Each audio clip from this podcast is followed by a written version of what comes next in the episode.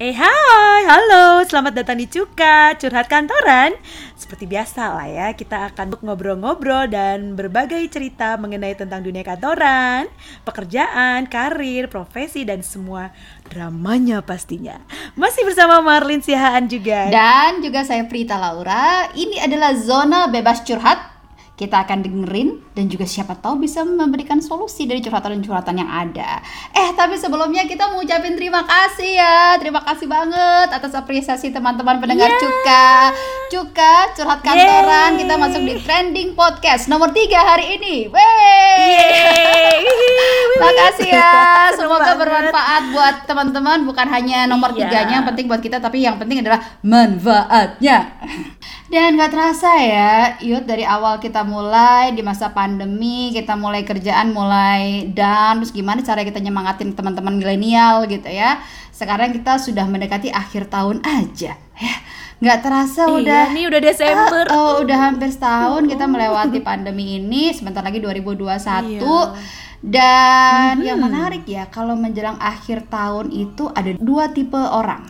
Apa aja? Eh say? tiga deh tiga dua tipe eh tiga deh jadi nambah maksudnya tiga oke okay, tipe apa yang pertama dia dia merasa baik mm-hmm. uh, melewati tahun-tahun yang lama dengan yeah. baik dan dia merasa good okay. with him. Nah, yang kedua merasa buruk, dia malah merasa lebih buruk ketika dia harus refleksi akhir tahun karena banyak target-targetnya dia nggak mm-hmm. kesampaian dan dia merasa I'm yeah. not good itu ya.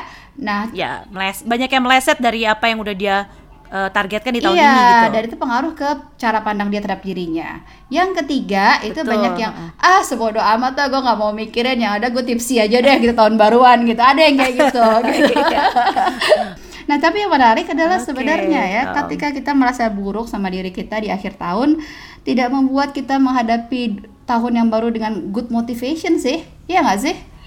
Iya dong, apalagi kan biasanya kan kalau akhir tahun itu waktunya untuk kita reflection tapi habis itu kan kita juga mulai uh, bikin biasanya resolusi ya untuk tahun depan kita mau uh, bikin apa nih yang supaya kita bisa bisa menjadi lebih baik dari yang sekarang kan gitu ya jadi harapannya ya we can do something better kalaupun memang tahun ini it's not good tapi ya di tahun 2021 ya kita bisa it's uh, it's going to be better gitu aduh tapi kayak gitu-gitu kan kayaknya yang paling penting tuh adalah gimana kita memberikan penghargaan kepada diri kita sendiri kan uh, Prita ya. iya. ya itu penting banget sih sebenarnya gitu loh karena bagaimanapun self love itu akan membantu kita untuk mengembangkan diri juga untuk karir kita. Nah, kita itu uh, bakal ngobrol dengan seorang yang berasa banget ya energi self love-nya dia gitu ya.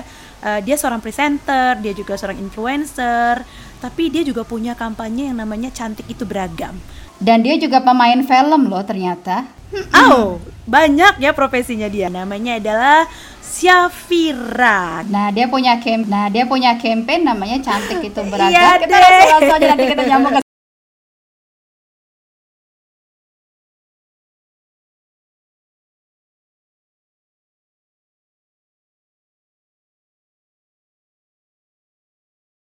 Nah, kita sekarang udah bersama Safira nih. Hai, Hai Fira. Hai Safira. Hai Bayu, Berita kita terakhir kali ketemu di acara kegiatan uh, kepedulian laut ya. Jadi Safira ini punya Betul. rasa kepedulian yang cukup tinggi akan beberapa hal ya termasuk juga yang satu ini mengenai self love. Nah, iya. Yeah. Tapi sebelum kita ngulik-ngulik soal self love, pengen tahu dulu dong kegiatannya Safira apa sih sekarang yang Instagramnya namanya Safira Um.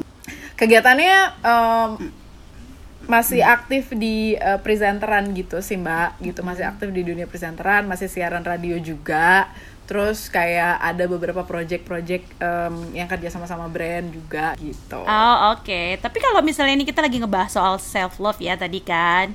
Nah buat Vira nih arti sebuah self love itu seperti apa sih? Jujur um, self love self love sendiri istilah self love tuh aku baru familiar di tahun ini gitu mm-hmm. uh, sebelumnya tuh bahkan kayak ah cuma baca-baca gitu aja gitu tapi kayak baru oh ini tuh oh kok kampanye jadi kayak heboh banget juga um, akhirnya aku punya defini akhirnya baru mm-hmm. punya definisi tentang self love uh, menurutku self love adalah ketika kita bisa enjoy menjalankan uh, setiap peran yang lagi kita jalankan sebagai seorang manusia Mm-mm. gitu um, being vulnerable Mhm. Uh, being vulnerable and accept the way we are gitu. Itu sih menurutku self love Wow. karena aku aku aku uh, meyakini bahwa kita tuh sebagai individu perannya banyak gitu. Hmm, jadi nggak mementingkan satu sisi di mana kalau perempuan itu kan identik sama apa ya cantik misalnya tapi ini lebih kepada mencintai diri dengan menerima kelebihan dan kekurangan diri kita apa adanya dan menonjolkan kelebihan kita Hmm, menurut Vira seperti itu atau ada hal-hal lain yang mungkin Vira anggap ini juga penting gitu loh sebagai part, eh, part of self love tadi. Em, kadang kalau aku eh, selalu berpikir gini per manusia itu nggak ada yang sempurna Mhm, Mbak. mhm. Eh, bahkan perempuan secantik hmm, Marie Antoine- Antoinette eh. mungkin gitu pasti ada kekurangannya Yes, gitu ya betul. basically semua manusia ada ada ada ada positif ada negatif ada kekurangan dan sebagainya tapi kadang-kadang orang tuh suka lupa untuk mengulik kekurangannya karena selalu ditutupin dengan kebaikan kebaikan kebaikan gitu oh Hmm. eh, aku aku pemalas oke aku tutupin dengan rajin olahraga kayak gitu-gitu gitu Hmm, kadang-kadang tuh justru kekurangan-kekurangan kita itu yang mungkin adalah celah-celah kita untuk eh, tumbuh dan berkembang gitu Hmm. dengan dengan kita sadar akan peran kita eh, menurutku kayak aku sebagai seorang anak peranku sebagai seorang anak peranku sebagai seorang kakak peranku sebagai seorang temen itu pasti banyak banget ruang-ruang tumbuh dan berkembangnya. Dan kalau cuma hal-hal yang baiknya aja nggak mungkin ruang itu akan em, fulfill Iya, gitu. Iya, iya, karena pasti akan ada celah-celahnya. Dan celah-celah itu yang bisa bikin kita bernafas menurutku gitu. Ah, menarik ya. interesting ya Vira, kamu kan juga lagi aktif nih bikin kampanye cantik itu beragam. Itu kayak gimana Oke. sih maksudnya dan tujuannya apa bikin kampanye kayak gitu? Oke, jadi Mbak, eh, cantik itu beragam tuh sebuah campaign yang dibikin sama aku dan eh, lima orang teman yang lain. Jadi itu ber- kami berenam. Eh, kami tuh punya latar belakang cerita yang sama. Em, kami mengalami banyak banget em, penolakan, eh, terus celaan, bulian gitu ketika ketika masih kecil. kamu bentuknya gitu masih dicela. Aduh. Iya dari dari dari kecil gitu dari orang-orang itu. yang eh, apa jadi kayak gini loh mbak terjadi eh, stereotype di Hmm. di society di kalangan lebih kecil bahkan keluarga dan sebagainya tentang standar cantik gitu Putih, tinggi, rambut lurus gitu ah, ya. kayak gitu-gitu nah yang sebenarnya dulu pun aku nggak ngerasa terganggu dibilang item misalnya dibilang keriting lo karena emang apa adanya begini gitu cuma Eksotis yang lagi. jadi masalah mbak yang jadi masalah adalah ketika kami mulai me- udah dewasa mau me- bekerja eh, mengembangkan diri dan sebagainya itu tuh dipakai standar itu. Jadi kayak bukan Oh ya? bukan bu- gini loh kalau emang ketika melamar kerja dan sebagainya ada persyaratan ada persyaratan tertulis nggak boleh kulitnya ini mungkin kami oh ya udah gitu. Ini kan nggak tertulis itu jadi kayak mengganggu sekali gitu. Jadi banyak banget Mm. hal-hal tuh yang eh, akhirnya tuh kayak terdampak gitu loh orang-orang yang yang yang punya yang termakan dengan standar beauty dan sebagainya merasa kok kita nggak bisa berkembang ya? Kok kita nggak bisa dapat kesempatan ini dan sebagainya? Nggak bisa begini nggak bisa begitu karena tidak memenuhi standar-standar tersebut gitu. Dan yang standarnya tiap tahun berubah. Ada ini ada itu ada begini gitu. Kayak nggak ada nggak ada kejelasan karena subjektif banget. Nah terus setelah ngobrol sama dengan beberapa teman itu ternyata mereka punya cerita yang sama tapi di ke- di pekerjaannya yang berbeda-beda gitu loh Mbak Prita sama Mbak Oke. Iyot. Jadi oh di situ tuh aku baru sama yang lain nge ternyata bukan di industri hiburan eh, entertainment aja ya. Ternyata Iya. eh, yang yang ada di cantik itu beragam tuh bermacam-macam profesinya. Ada yang lawyer, ada yang eh, PR perusahaan dan sebagainya mereka tuh pun mengalami hal tersebut gitu. Mereka mengalami kendala-kendala untuk tumbuh dan berkembang, embracing eh, kemampuannya mereka, eh, pendidikan yang udah mereka eh, upayakan gitu dari kecil. Ada yang sekolah S2 dan sebagainya. Masa kepentok cuma gara-gara tidak memenuhi standar kecantikan. Yang akhirnya apa iya perempuan itu cuma dilabelkan cantik gitu kan padahal kalau misalnya kita lihat di Indonesia kan ya perempuannya kan banyak ya mbak kita ngomongin tentang pulau Indonesia ada berapa bera- banyak banget dan setiap daerah tuh mewakili karakternya masing-masing akhirnya kami sepakat bahwa campaign ini harus dilanjutkan dengan tujuan adalah mengajak perempuan-perempuan yang mungkin pernah berpikiran bahwa harus memenuhi standar cantik tertentu sampai mereka lupa Iya. gitu loh. Padahal kalian bisa loh menjadi seorang lawyer dengan apa adanya gitu, dengan eh, bentukannya kalian, dengan yang de- dengan dari mana kalian berasal dan sebagainya. Sampai akhirnya teman-teman yang namanya cantik itu ya pasti identik sama perempuan. Perempuan itu pasti identik sama cantik gitu.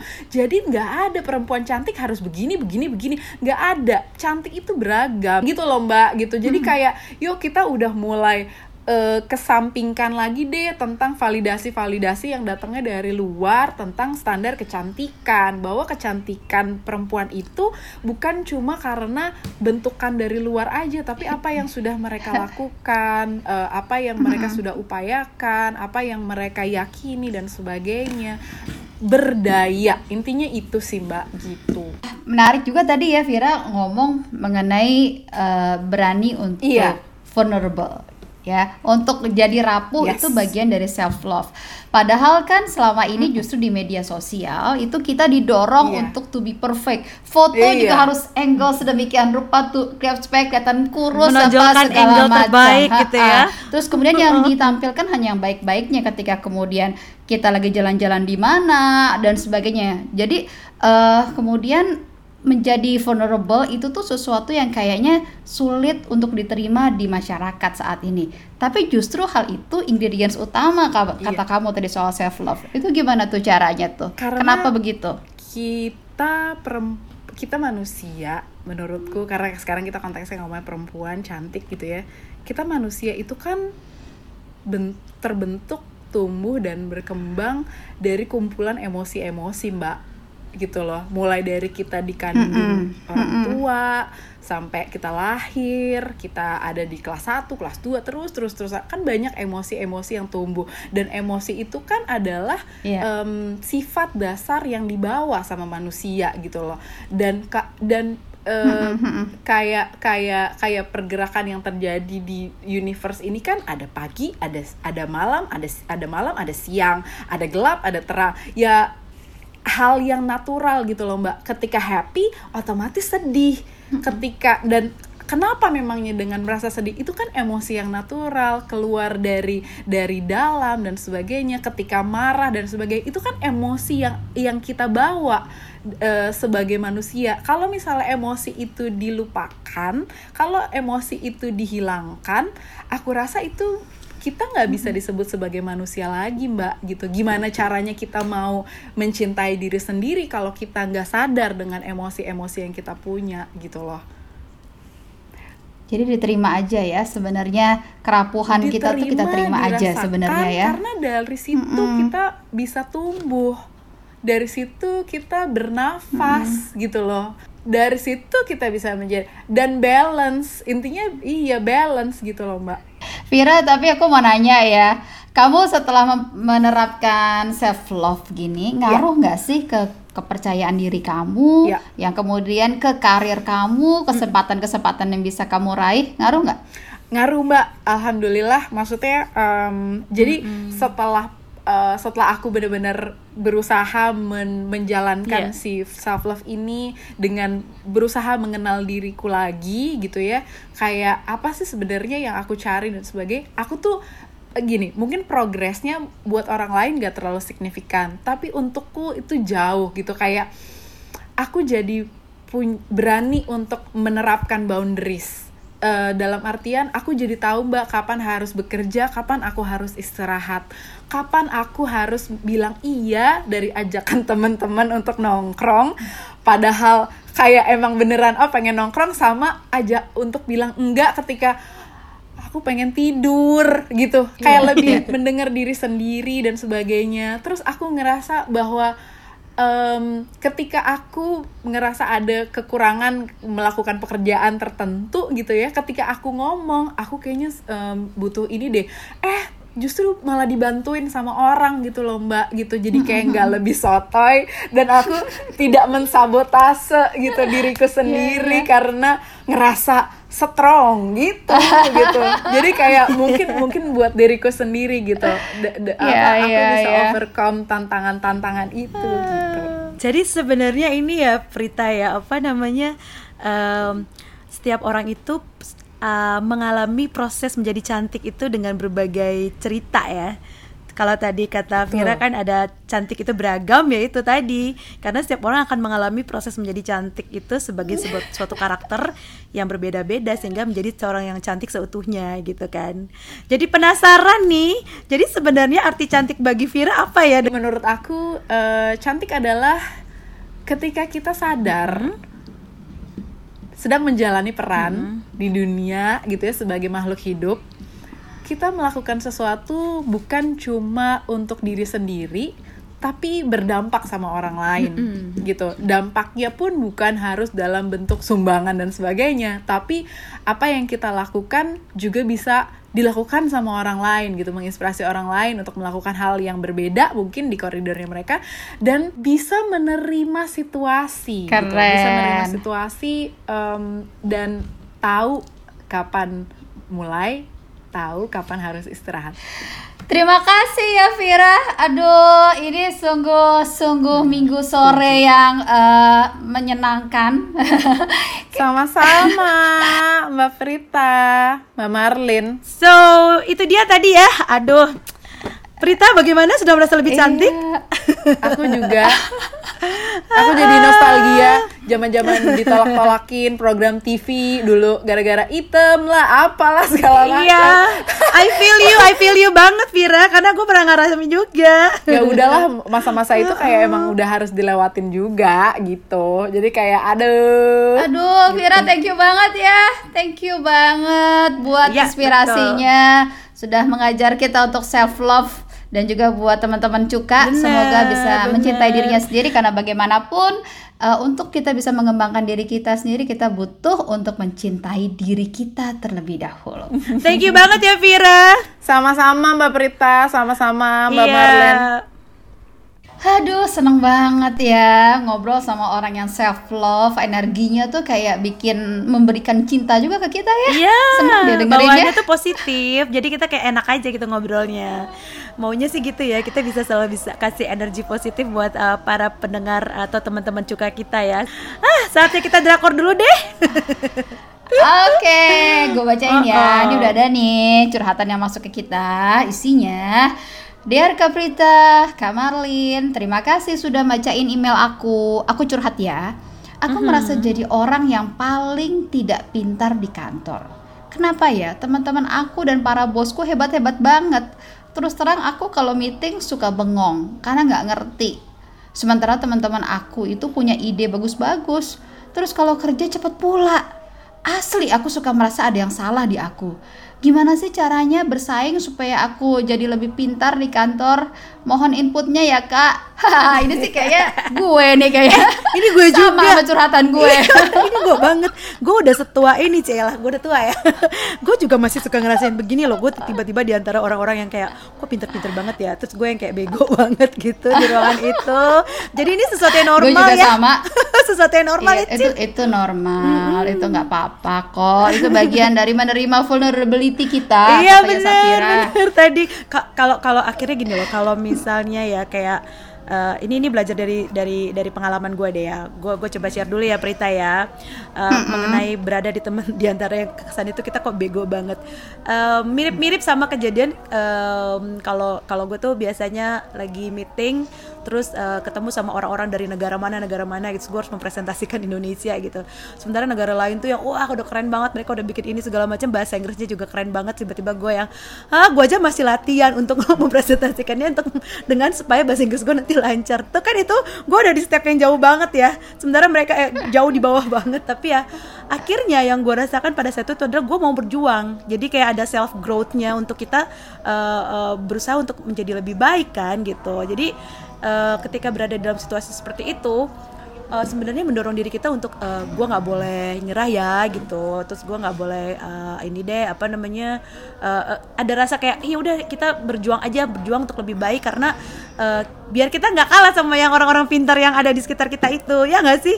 Kalau kalau Prita gimana nih Kalau gue tuh ya, gue tuh malah seneng loh berada di ruangan orang-orang yang jauh lebih pintar dari gue dan gue yang paling bego. Tuh gue malah seneng banget. Bahkan sering kali Uh-uh. gue sengaja menempatkan diri gue bersama dengan orang-orang itu. Jadi gue sengaja berteman dengan mereka, gue sengaja bergaul dengan mereka karena itu ada satu pepatah kan yang mengatakan kalau lo itu berada di ruangan yang tepat ketika lo yang paling bodoh di antara yang lain. Iya. Ketika lo berada di ruangan yang pa- di dalam satu ruangan di mana lo paling pinter, lo justru berada di ruangan yang salah.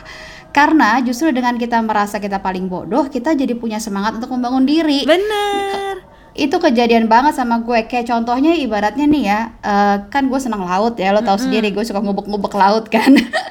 Jadi, nah gue perhatiin ya, misalnya kayak di di kapal-kapal besar gitu, yang nangkep ikan, mereka itu akan ceburin hiu. Jadi ketika mereka nangkep ikan, ikannya kan masih hidup, terus ada kolam gitu, kolam pound gitu di dalam di dalam perahu besar mereka, kapal besar mereka, terus mereka akan masukin hiu di dalam situ. Saya, aku kan nanya gitu loh, hiunya itu nanti nggak makan ikan. Justru katanya, justru dengan adanya hiu, jadi ikan ini akan terus bergerak, jadi akhirnya dia akan terus segar sampai ke daratan. Kalau enggak, ikan ini akan leyeh-leyeh rebahan dan tahu-tahu lemes mati. Iya, gitu. iya, iya, nah, gue tuh kayak gitu banget, gue tuh kayak bener, gitu bener, banget. Kalau nggak ada orang-orang yang jauh lebih pintar di sekitar gue, gue akan rebahan, jadi manusia rebahan. karena lo ada di Dan- comfort zone kan iya di comfort zone gue tapi karena ada orang-orang yang edan ini orang-orang pinter-pinter amat ya gue jadi memaksa diri gue untuk ah gue belajar ini ah belajar itu ah gue perlu baca ini ah jadi ya gitu Iya. deh jadi gue perlu hiu-hiu itu di sekitar gue Jadi gak ada salahnya sebenarnya kita berada di satu titik di mana orang-orang pintar itu uh, kita berada di antara kita yang paling bodoh itu kayaknya it's okay gitu kan. Jadi kita juga bahkan ada ada ada ada ada uh, ini apa saran orang-orang sukses juga. Kalau kita mau sukses ya kita harus harus berada di antara orang-orang sukses gitu loh. Kita juga jadi ke untuk kita belajar kan. Sama ini juga sih ya Prita ya. Gue jadi inget deh. Eh, ini kan akhir tahun kan, di mana akhir tahun ini kan eh, momennya kita itu banyak di review sama perusahaan kan, sebagai seorang pegawai gitu ya, kita di review hasil kerja kita oke apa enggak. Mungkin juga banyak yang ngerasa kayak aduh kok kayaknya hasil kin- kinerja gue tuh tidak di review maksimal sama bos gue. Gue dikasih mungkin nilainya eh, tetap tidak bagus, padahal eh, yang lain-lainnya pinter. Jadi kayak gue berada di antara orang pintar-pintar nih, sementara hasil kerja gue tidak dianggap bagus atau tidak dianggap eh, eh, sukses sama bos gue gitu. gue pernah tuh ngalami hal seperti itu dan menurut eh, pengalaman gue eh, sama kayak Prita tadi bahwa ketika kita dinilai tidak bagus eh, eh, ini adalah kesempatan kita untuk menunjukkan eh, bahwa oke sekarang gue lagi tidak bagus tapi sebenarnya gue ada dalam proses di mana akan ber- eh, bertumbuh gitu loh. Nah itu kita buktikan aja ke manajemen bahwa oh ya udah kita bertumbuh terus bertumbuh terus eh, sampai suatu saat eh, mungkin tahun depan gue akan perbaiki lagi gue akan lebih bagus lagi kerjanya. Gue mau buktikan sama bos gue bahwa gue bisa gitu. Sampai suatu saat bos lo akan bilang lo hebat dan gue bangga sama lo ya kan Nah, itu dia. Jadi kalau kita berada di tengah orang-orang yang pintar, lebih pintar daripada kita, pakailah itu sebagai satu satu kesempatan untuk kita mengambil kepintarannya mereka, knowledge yang mereka punya, wisdom yang mereka punya, budaya yang mereka punya. Jadi itu kesempatan nikmatilah berada di tengah orang-orang yang lebih pintar dari kita. Semoga bermanfaat ya dan Yeah. bikin kamu jadi lebih pintar lagi di tahun 2021 ini. Yes.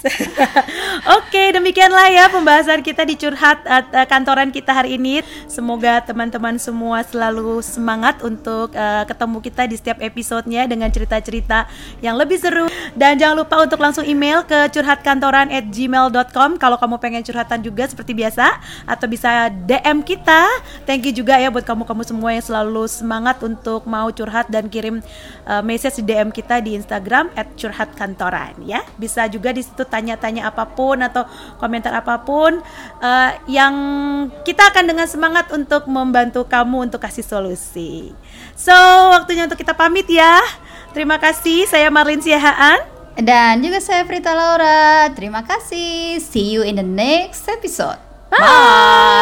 Bye.